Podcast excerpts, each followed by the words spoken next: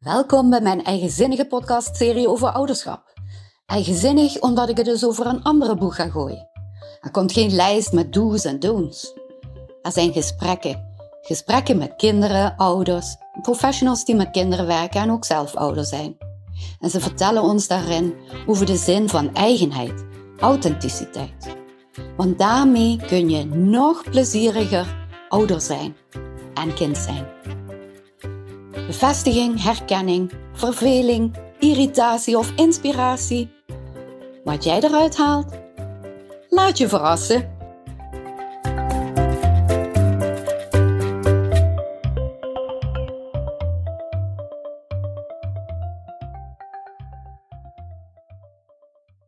Yay, we zijn alweer bij de zevende aflevering van mijn podcastserie over plezierig ouderschap.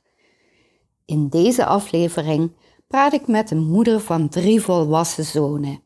En daarna wil ik het graag nog even hebben over het onderwerp praten met je oudere kind.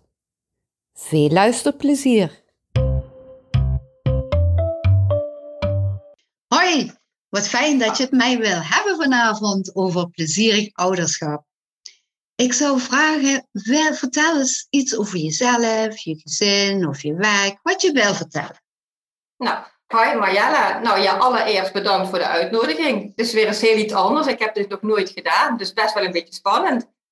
Ik ben uh, Mirjam, ik ben getrouwd en we hebben drie zonen. En die zijn inmiddels al best wel groot, als ik inderdaad aan hun leeftijd ga denken, want de oudste is 29.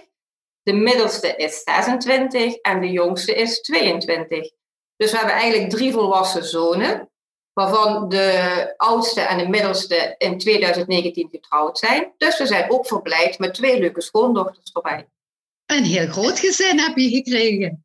Ja, een heel groot gezin. En ik hoop er straks nog sowieso nog een partner van de jongste bij te krijgen. En nog heel veel kleinkinderen. Tuurlijk, dat gaat gebeuren. Wil je nog iets vertellen over je werk of vind je dat hier niet uh, belangrijk? Nou, ik, uh, ik vind dat ik eigenlijk heel gelukkig in mijn werk ben. Want als je van je hobby je beroep kunt maken, dan ben je een gelukkig mens. Ik ben muziekdocent, ik geef dus piano en keyboardles. En ik werk ook op scholen waar ik blokfluitles geef en bij fanfares. Ja, dus muziek maakt het mooiste wat er is. Heerlijk, heerlijk. En ze zeggen soms ook wel eens, als je niet via woorden je emoties of je gedachten kunt uiten, dan doet muziek dat voor je. Hè? Ja. ja, muziek zijn toch trillingen en trillingen brengen eigenlijk van alles bij je teweeg. En ook door het zelf spelen gebruik je wel andere gedeelten van je hersenen. En ja, we zeggen niet voor niets, uh, muziek maakt slimmer. En muziek kun je gevoelens uiten. Vooral ja. als je daar niet goed over spreken kunt. Ja, muziek heelt. En muziek verbroedert. Ja, ook dat. Ja, ja. We zijn alle twee Limburgers. We weten ook nog wat het met speciale festiviteiten allemaal extra doet, die muziek. Ja, ja. ja dat het, is zo. het verbindt ons. Ja. Maar kun je je misschien met één van je kinderen, of misschien wel met alle drie, een grappig of een onroer, ontroerend of een gek moment herinneren? Ik denk dat we eigenlijk allemaal samen een heel leuk gevoel voor humor hebben. Dus uh, ja, nu inderdaad van de kinderen zijn het huis uit. De jongste die zit op kamers, dus komt gelukkig elke twee weken nog naar huis. Dus wij vinden het altijd heel belangrijk om ook met z'n allen weer bij elkaar te zijn. Natuurlijk, in deze coronatijd is het wat moeilijker, maar dat, dat, staat er even los daarvan. Ja. Um, het leuke vind ik ook de humor en zo van de jongens. En waar ik nu opeens aan denken moet, toen de kinderen klein waren, toen ging je met ze naar het consultatiebureau en dan kreeg je zo'n groen boekje. Ja. En dan heb ik de eerste drie jaar heb ik eigenlijk bijgehouden alle grappige momentjes. En nu moet ik opeens denken dat de oudste een keer aan mij vroeg, toen was het net met gescheiden afval. En toen haalt hij in zijn neus, haalt hij daar iets naar voren en dan zegt hij, mam, moet dit in het groene emmertje of in het rode emmertje? Oh, wat leuk! Oh, ja, zo'n ja. dingen vergeet je nooit meer. Nee, Normaal zou je die wel vergeten, maar omdat ik die opgeschreven heb, en we hebben toevallig een jaar geleden daar nog eens allemaal ingebladerd, dan denk je, zo'n opmerkingen. Ja. Want Bassie uh, en Adriaan zeggen, ik kan geen boe en bar meer zeggen. Maar waarom zeggen ze het dan? Weet je wel? Ja, zoiets. Ja, echt hele logische dingen eigenlijk, die wij gewoon voor waar aannemen. Maar zij stellen daar een vraag bij. En wat ik grappig vind, uh, je merkt nu de kinderen groter zijn, dat dingen die ze eigenlijk vroeger niet wilden, nu zelf ook gaan doen. We vroeger, als je vroeger op vakantie samen ging en je ging ergens uitstappen en die zeg je, oh kijk wat een mooie berg. Dan van, oh, wij blijven Playstation, daar vonden ze niks aan. Nee. En nu gaan ze dat zelf doen. Of gaan jullie mee wandelen? Nee, willen ze niet. En nu vragen ze, mama, pap, gaan we samen wandelen? Dus dat is eigenlijk ook wel Oh. heel erg leuk. Dus die dingen van vroeger die ze eerst niet wilden, gaan ze dus nu zelf, nou ja, nou ze volwassen zijn, ook weer, eh, weer beleven. Ja, en dat is ook een reden waarom ik jou uitgenodigd had voor dit gesprek. Want het is voor mensen met kleine kinderen misschien toch wel heel leuk om te horen dat dingen die ze nu niet interessant vinden of waar je ze nu niet voor kunt porren, dat Ja. dat kan veranderen Ja. hè, als ze ouder worden. En dat je in een andere fase komt als die kinderen ook weer in een andere fase zitten. Ja, want het leuke is, daar hadden we het laatst ook met de kinderen over, van wat vinden jullie wat wij anders hadden kunnen doen of zo, hè? En toen, wat, wat trouwens bij ons altijd heel erg belangrijk is, van eh, we praten heel veel. Dus als er iets is, wordt er over gesproken. Ik vergeet ook nooit, toen onze oudste naar huis kwam, toen had hij een pakje sigaretten bij zich. Ik zeg, oh Anne, ja zegt hij, die hebben we met een paar vriendjes gekocht, maar niemand durft hem mee naar huis te nemen, maar ik durf hem wel mee naar huis te nemen. Ik zeg, oké, ik zeg maar, je weet dat roken eigenlijk niet heel goed voor je longen is. Zeg, nee, dat weet ik wel.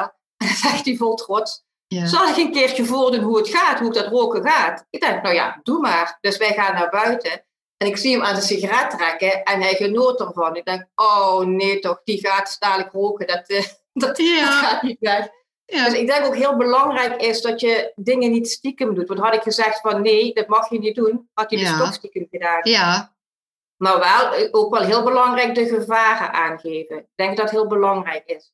En dus met name ook als je kijkt naar, eh, naar drugs of die dingen allemaal. Daar weten ze echt dat dat ons standpunt voor is. Daar, zijn we niet, eh, ja, daar willen we niks mee te maken hebben. Dus nee. dat hebben we ook van begin af aan heel duidelijk gemaakt. En toen gaven ze terug van, ja, dat is goed dat jullie dat inderdaad zo gedaan hebben. Dus dat is Oh, fijn om te horen van Dat is, ja, dat is heel fijn om te horen. En je ziet ook aan ze of ze dat hebben opgeslagen?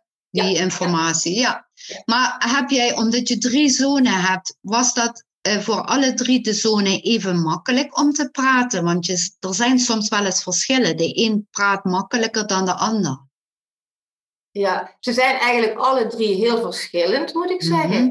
Maar ehm, ja, ik denk wel dat ze alle drie kunnen praten. Ja, Nou, Ja. misschien komt dat wel omdat jullie dat van het begin af aan gedaan hebben. Dat het gewoon normaal was. Ja, ja. Ja. En ook Want, als ik zelf, sorry, als ik zelf Nee. dus iets zou zeggen wat bijvoorbeeld niet goed was of zo, dan zou ik ook zeggen van, ja, sorry, dit heb ik zo niet bedoeld, hoe kunnen we dat beter aanpakken? Dus ik denk dat er heel veel ook gesproken is. Dus wat dat betreft kunnen ze het alle drie wel. Ondanks dat ze alle drie verschillend zijn. Ja, en dan is het ook fijn inderdaad als jullie een keer hè, eh, praten in die zin als je iets verkeerd hebt gedaan of je daarvoor verontschuldigt, dat ze weten dat het wederkerig is. Hè? Ja. Dat het niet alleen maar voor hun is, maar voor iedereen. Ja, Praten doe je samen. ja dat is Ja. ook zo. Ja, Ja. nou dat vind ik wel eh, iets heel moois om mee te geven aan eh, mensen met kleine kinderen. Want het is een waardevolle, eh, Ja. waardevolle ehm, ja, hoe zou ik dat zeggen, verbinding. Ja. Met, Maar ik denk dat wel ook heel wat belangrijk daarbij is dat je vertrouwen moet hebben in elkaar. Ja, Dus ik denk dat het is allemaal een wisselwerk. Het houdt allemaal aan elkaar vast. Hè? Ja. Je- ze voelen je liefde, je vertrouwen, je praat met elkaar. Ze weten dat ze veilig zijn. Ja. Dat dat belangrijk is. Precies, want als je je niet veilig voelt, ga je ook niet Ja. praten. Hè? Dan zeg je niks. Hè? Dan, Nee. dan denk je van laat maar, ik, ik, ga niks vertellen. Net zoals in dat voorbeeld wat je gaf met die sigaretten. Als hij had verwacht dat jij meteen zou gaan schelden of hem straf zou geven, Ja, had hij je dat pakje sigaretten nooit laten zien. Nee, nee, dat is ook zo. Ja, dus ja, openheid, veiligheid. Ja, Ja. Natuurlijk. Mooi. eh, ja, maar wel natuurlijk met je normen en waarden, met je regels. Ja. Dus er zijn grenzen natuurlijk. ja, maar die bepalen jullie zelf. Hè? Ja, ja. Ja. Wat ik zelf altijd heel erg belangrijk vond, toen de fase was dat de kinderen op stap gingen, dat ze uitgingen en Ja. zo allemaal. Ik vond het altijd heel belangrijk om te weten, A, waar ze waren en B, hoe laat het ze thuis waren. Ja, Ze mochten voor mij ook nooit alleen gaan, altijd met vrienden. En dat werd natuurlijk ook dan tegen mij gebruikt. Want als ik zei bijvoorbeeld, je bent om één uur thuis. Ja, maar mijn vrienden mogen om twee uur thuis. precies.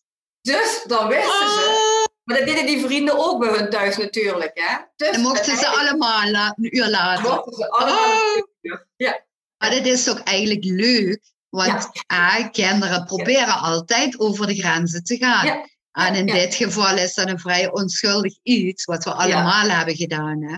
Ja, maar als ze inderdaad die grondregels, hè, dat ze ook veilig zijn en dat ze weten dat je ongerust kan zijn als ze ergens anders zijn. Ja. ja. Ja, dan leren ze, dat, inderdaad, dan leren ze rekening houden met gevoelens van iemand anders. Hè?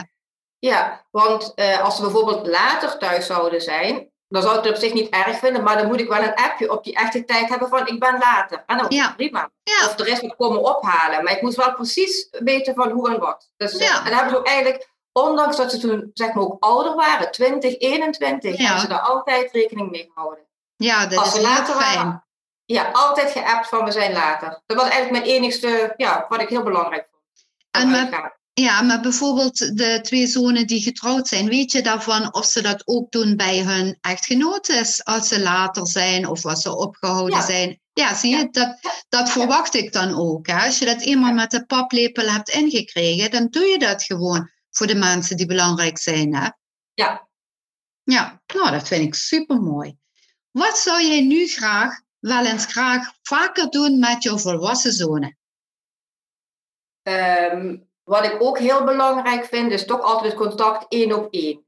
Dus we proberen altijd een keer, of ik met de oudste ga ik iets doen, of ik ga met de middelste iets doen, of met de jongste iets doen. Dat je toch ook de specifieke aandacht voor de persoon zelf hebt. En dat vind ik zelf ook heel belangrijk. Ook al toen ze jong waren. Ik heb toch altijd geprobeerd iedereen ook apart zijn eigen aandacht te geven. Ja, want ze zijn verschillend. Ja, ja. Bijvoorbeeld de middelste gaat graag wandelen. Nou, dan gaan we eens een keer op een avond bellen van zullen we samen gaan wandelen? Dan gaan we wandelen.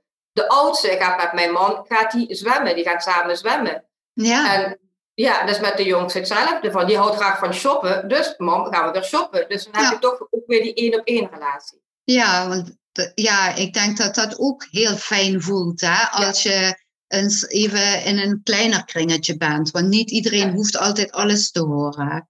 Nee. Nee. nee. Oh, wat leuk dat je dat ook doet. En uh, gelukkig ook dat ze op zo'n afstand zitten dat ze kunnen komen of jij daar naartoe kan gaan. Hè? Ja, want de oudste twee die wonen dan dichtbij. En dan, ja, de jongste is dus nu in Nijmegen. En nu met de corona kan hij natuurlijk minder komen, omdat hij op een studentenhuis zit met heel veel mensen. Dus wat doen wij nou? Nou gaan wij in de auto, gaan we daar gewoon naartoe. En dan gaan we daar samen een stukje wandelen, zodat we elkaar toch kunnen blijven zien. Ja, ja. Ja, dat is nu even aanpassen, dat is waar. Maar hopelijk, ja, hopelijk is dat weer snel over. Ja, tuurlijk. Ja. Heb jij wel een herinnering aan een mooi gesprek met een van je jongens? Zomaar onverwacht, dat het niet gepland was. Tussen de soep en de aardappelen of op zo'n wandeling. Of als je met de hond gaat of zwemmen of wat dan ook echt dat je denkt van, ha, daar word ik blij van. Ik heb zo'n fijn gesprek gehad met puntje, puntje, puntje. Ja. Um, ja, weet je, in feite um, zijn het eigenlijk altijd fijne gesprekken, moet ik zeggen. En als het geen fijne gesprekken zijn, als we toevallig eens een keer een, een, een andere mening of zoiets hebben, dan praten we met elkaar en leggen we, proberen ons standpunt uit te leggen. En meestal komen we dan weer tot, ja, tot elkaar, zeg maar. Ja. Maar wat ik ook heel erg fijn vind, nou de kinderen uh, het huis uit, zijn, eerst in het begin vond ik het heel moeilijk. Dat echt dat lege nesteldrang, dat is echt uh, ja. ja. heel veel moeite mee gehad. Absoluut. Dat is dus echt iets waar iedereen aan zal moeten wennen. Ja, ja, ja. Dus um, dat heeft zijn tijd nodig. En, uh, maar achteraf, het belangrijkste is die draad tussen jou en je kinderen, die blijft gewoon. Ja. Dus ook al zitten ze op zichzelf, die draad die blijft. Je belt elkaar, ik bedoel, je gaat bij elkaar eten, je gaat naar elkaar toe. Het leuke is bijvoorbeeld nu, ga je bij je kinderen eten. Die vragen van, hé hey, papa, mam, komen jullie eten? En de gesprekken zijn er ook. Ehm, maar dat loslaten was in het begin heel moeilijk, absoluut. Ja, ja, ja, dat is zo. En ehm, heb je niet de ervaring dat er nu in deze moeilijke coronatijd, dat er gewoon uh, minder spontane gesprekken op gang komen? Dat, omdat je moet afspreken of iets moet regelen, dat het dan bijvoorbeeld gaat over werk of over uh, ja, uh, de maatschappelijke discussies. En dat je niet zo makkelijk meer komt tot iets, uh, nou zeg maar een gesprek over um, het leven of de dood of um, carnaval, ik weet niet wat. Uh, nee, eigenlijk ervaar ik dat niet zo. Oké, ja, dat is prima juist dan. Dus dat gaat bij jullie lekker gewoon door. Ja. Daar zit geen, onder, uh, geen, geen stop in, zal ik maar zeggen. Nee, nee, nee. Hartstikke fijn. Wat deed jij vroeger toen het wel eens niet zo lekker liep in de communicatie tussen een van de kinderen en jullie of tussen de mhm. kinderen onderling? Ja, nou, um, er is even een tijdje geweest dat het tussen de oudste en de middelste even wat moeilijker ging. En dat was met name de middelste dag natuurlijk, wat de oudste kan, kan ik natuurlijk ook. En de oudste had zoiets van, nee, dat werkt dus niet. Um, maar er is inderdaad ook weer veel over gesproken, hoe ze dat ervaren hebben. En dan proberen um, ja, aan de kinderen duidelijk te maken dat het geen verschil maakt of je nou de oudste, de jongste of de middelste bent. Het enige wat verschil maakt, en het klopt natuurlijk, en heeft de oudste gelijk bij, omdat hij de oudste was, mocht hij in feite het minste. Ja. want hij was degene die eigenlijk alles moest. Dus hij moest eerder thuis zijn dan bijvoorbeeld de middelste. En de jongste mocht nog later thuis zijn. Ja. Dus daar werd eigenlijk eventjes over gesproken. Volgens mij klagen daar alle oudste kinderen wel een keertje over. Ja, ze zijn nu eenmaal de eerste. Jij moet ook wennen om ouder te zijn. En om, om, om um, ja, keuzes te maken van hoe laat dit of uh, tot hoe ver mogen ze gaan. Dat is, ja, dat, uh, dat is de functie van de oudste. Daar heeft hij dan een klein beetje bij pech gehad. Maar ja, het voordeel is soms ook, zeker als er twee jaar of zo verschil zit met de middelste, dat ze even unieke aandacht hebben. Maar dat herinneren ze zich niet meer. Hè? Dan zijn ze alweer wat ouder. Ja, nee, dat zijn van die dingen, dat kan gebeuren. Um, wat vind je het fijnst dat, aan het feit dat jij moeder bent? Wat ik daar het fijnst aan vind? Ja, want je had ook net zo goed een vrouw kunnen zijn zonder kinderen. Ja, dat had zeker gekund.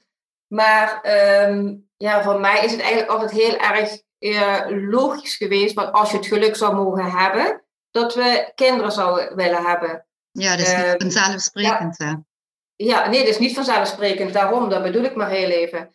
Um, ja, kinderen, dus ja, voor mij hoort dat er gewoon bij. Dat is gewoon een stukje van jezelf en de zorg wat je draagt. Uh, ja, ik vind het mooiste wat er is. Gewoon, daarom heb ik ook altijd gezegd van, uh, ik ben blij dat ik een vrouw ben. Want normaal werd gezegd, de bevalling, het is zo pijnlijk. Ja, dat klopt, maar ik bedoel, het mooiste wat je, wat je mag doen, een kind mag baren. Ja. Dat vind ik een wonder, gewoon, dat is geweldig.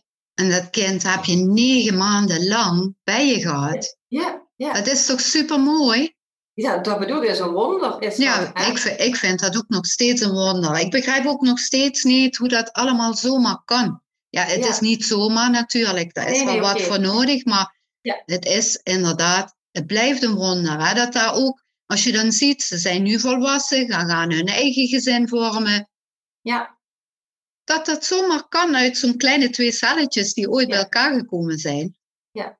En zodra het kind geboren wordt op je buik gelegd, ja, dan is het of het altijd is geweest. Hè? dan, is, dan is het die van jou, hè? Zo'n immens gevoel, ja. Ja, ja. ja. geweldig. Ja, dat, ja. Uh, ik hoop dat heel veel ouders dat ook kunnen beamen, want ik vind het heel vervelend voor ouders die dat niet zo ervaren. Ja, ja absoluut. Absoluut. Goed, ik weet niet wat zij voelen, omdat, uh, omdat wij dit zo ervaren, gelukkig.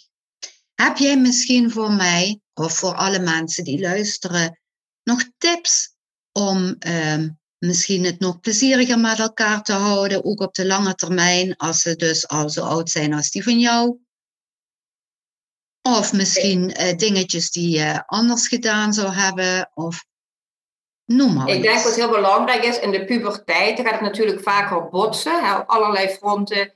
Uh, blijf vooral met elkaar praten. Vertel vooral wat je gevoelt. Heb vertrouwen in elkaar. En ook al botst het wel eens een keertje, dat maakt niet uit. Als je er met elkaar over praat, komt het altijd weer goed. En strakjes, als de kinderen ouder zijn, zoals ze zeggen, ze kunnen er niks aan doen, ligt aan hun hersenen, dan denken ze iets van, ja, dan is het weer helemaal voorbij. Dus het komt helemaal goed. Ja. Ik denk, de basis is het belangrijkste. voor elkaar, voor elkaar zijn, vertrouwen en met elkaar praten.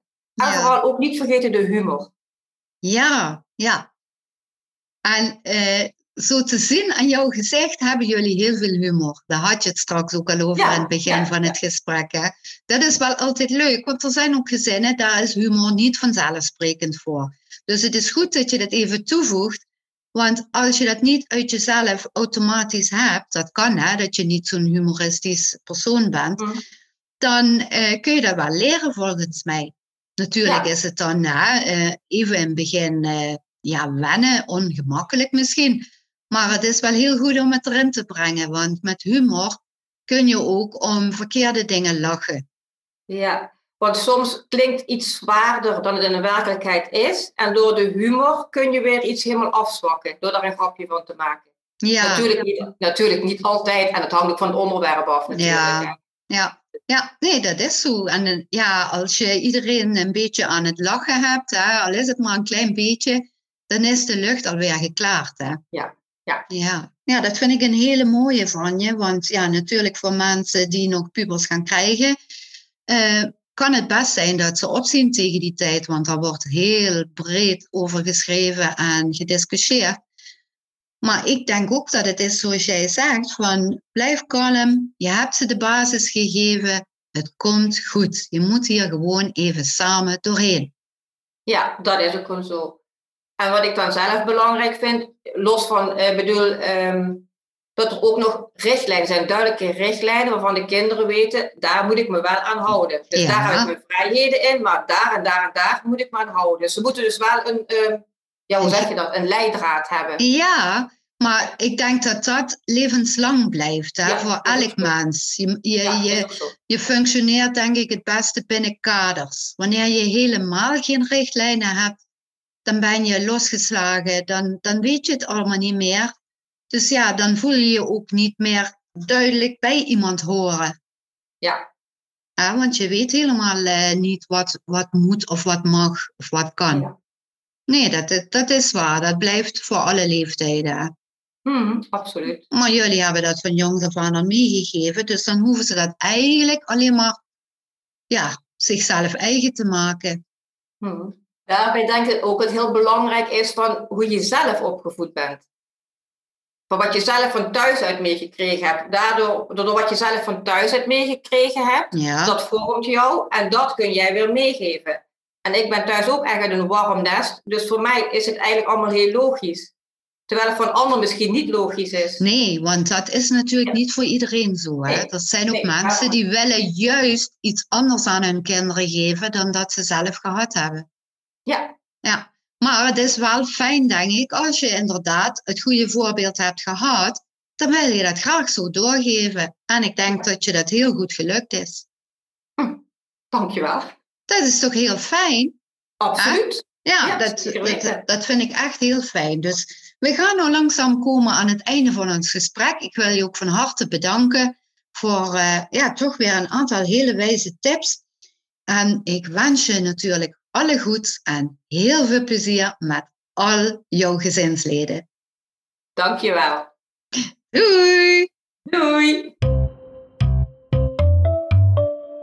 Al in een paar eerdere gesprekken met ouders kwam naar voren dat wanneer je ouder wordt, je in de verschillende leeftijdsfasen waarin je kind gaat komen, je gevoelens ervaart die je voorheen nooit zo heftig had ervaren. Gevoelens van geluk, van verdriet, van eenzaamheid, boosheid, frustratie, onzekerheid. Die gevoelens zijn er natuurlijk ook bij je kind. Maar kijk je daar ook wel eens naar? We hebben de neiging om te bepalen dat wij de ouder zijn en het beste weten voor het kind. En als we het nu eens even niet meer hebben over jonge kinderen, laat zeggen kinderen boven de 12 jaar, tieners, adolescenten, jongvolwassenen, dan hebben die een hele andere manier van omgaan met emoties dan daarvoor. Zijn wij daar wel op afgestemd? Ben je bewust van hoe jij omgaat, verbaal en non-verbaal, met bijvoorbeeld een verschil van mening?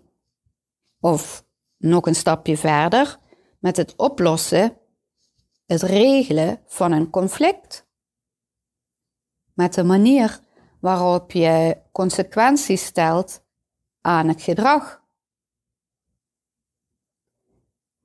Eigenlijk kun je natuurlijk wel alle adviezen die je bij anderen hebt gezien of gelezen of gehoord gaan gebruiken.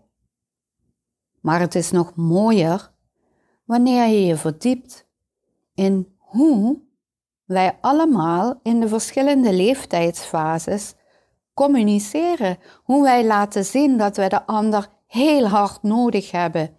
En het heel belangrijk is dat we gezien en gehoord en erkend worden op waarde, ongeacht de leeftijd. Daarmee wil ik zeggen dat behalve zo'n concrete adviezen van uh, je moet met elkaar praten, dat het heel handig is om je eerst te verdiepen in hoe uit een tiener of een adolescent of een volwassene zich wanneer het even niet zo lekker loopt. Er kan zijn dat je een kind hebt dat explodeert. Dat is weer een hele andere manier dan een kind dat implodeert. Daar zie je niet veel van. Die trekt zich terug of die wordt stil en de verwerking van wat hij voelt en denkt en de consequenties die hij daaraan in zijn hoofd en in zijn hart maakt, daar zie je niet zoveel van. Daar kun je alleen maar naar gissen en daar kunnen we hele grote verkeerde overtuigingen van maken. Hoe doe je dat nou? Je verdiepen in hoe je kind in die leeftijdsfase communiceert, non-verbaal en verbaal. Nou, ik zou zeggen, google eens bijvoorbeeld op de vijf talen van de liefde. Dat zijn een paar oude, oudere boekjes die uh, opgesplitst zijn in uh, de liefde voor volwassenen, de liefde van kinderen, de liefde van tieners en adolescenten. En daar leer je misschien ook hoe je eerst eens zelf kunt gaan kijken naar hoe jij omgaat met het verwerken van die emoties. Kortom, praten met je kind is niet vanzelfsprekend makkelijk. Daar moet je echt wel je even in verdiepen. En zeker wanneer je al enige ervaringen hebt gehad dat het niet zo makkelijk was om samen met een goede oplossing eruit te komen. Heel vaak volgt dan een periode waarin de een of de andere partij nog even een beetje nukkig is. Dat is toch zonde? Je kunt er samen uitkomen. Ik zou zeggen, ga je er eens in verdiepen. En vooral verdiep je in je eigen gedrag. En als je dat gedaan hebt, kom je erachter dat het ook tijd kost om het gedrag te veranderen. Dat van jezelf, maar ook de samenspraak. Voor die tijd kun je een paar oude trucs gebruiken om het niet te laten exploderen met woorden of handelingen waar je achteraf allebei spijt van hebt. Tel niet tot 10, maar tel tot 100. Ga naar buiten. Ga um, even naar het toilet en geef dat ook aan. Ga niet zonder woorden uit een discussie, maar geef aan dat je het nu even niet weet en dat je erop terugkomt wanneer je afgekoeld bent. Daarmee geef je aan dat je bezig bent om je emoties op een andere manier te reguleren. En je emoties mogen er zijn. Jij mag ook boos worden, natuurlijk. Maar de reactie naar je kind toe, dat wordt er een waar je over nagedacht hebt. En dat kun je beter wanneer die eerste woede al eventjes eruit is uit je lijf en uit je hoofd. En ik had het hier de hele tijd over praten wanneer een van beide of allebei boos zijn. Maar praten met je kind doe je natuurlijk ook graag wanneer een van beiden iets wil zeggen, zijn hart wil luchten, iets wil vragen, ergens zijn mening over wil geven. Hoe dan ook is het denk ik aan de ouder, wij dus, de taak om de sleutel, de denkbeeldige sleutel te vinden om die verbindingsdeur open te houden. Of in ieder geval weer open te krijgen wanneer die per ongeluk een keer op slot gaat. Dat kan gebeuren, maar daarvoor zijn we best allemaal in staat om te zeggen: Sorry, ik heb het verkeerd gedaan. Ik ga nu proberen het op een andere manier te doen. Wat zou jij nodig hebben om met mij in gesprek te willen blijven? Dat is een open vraag waar we soms bang voor zijn. En het is natuurlijk ook niet altijd zo dat wij als ouder zomaar weten wat we willen bereiken met het gesprek met ons kind. En dat hoeft ook niet. Je hoeft niet bang te zijn voor de vragen, opmerkingen, tegenstribbelingen of eh, confrontaties. Laat het op je afkomen. En denk dan dat je het heel even laat zinken waarna je reageert. Want het is heerlijk om over bijna alles met jouw kind te kunnen praten.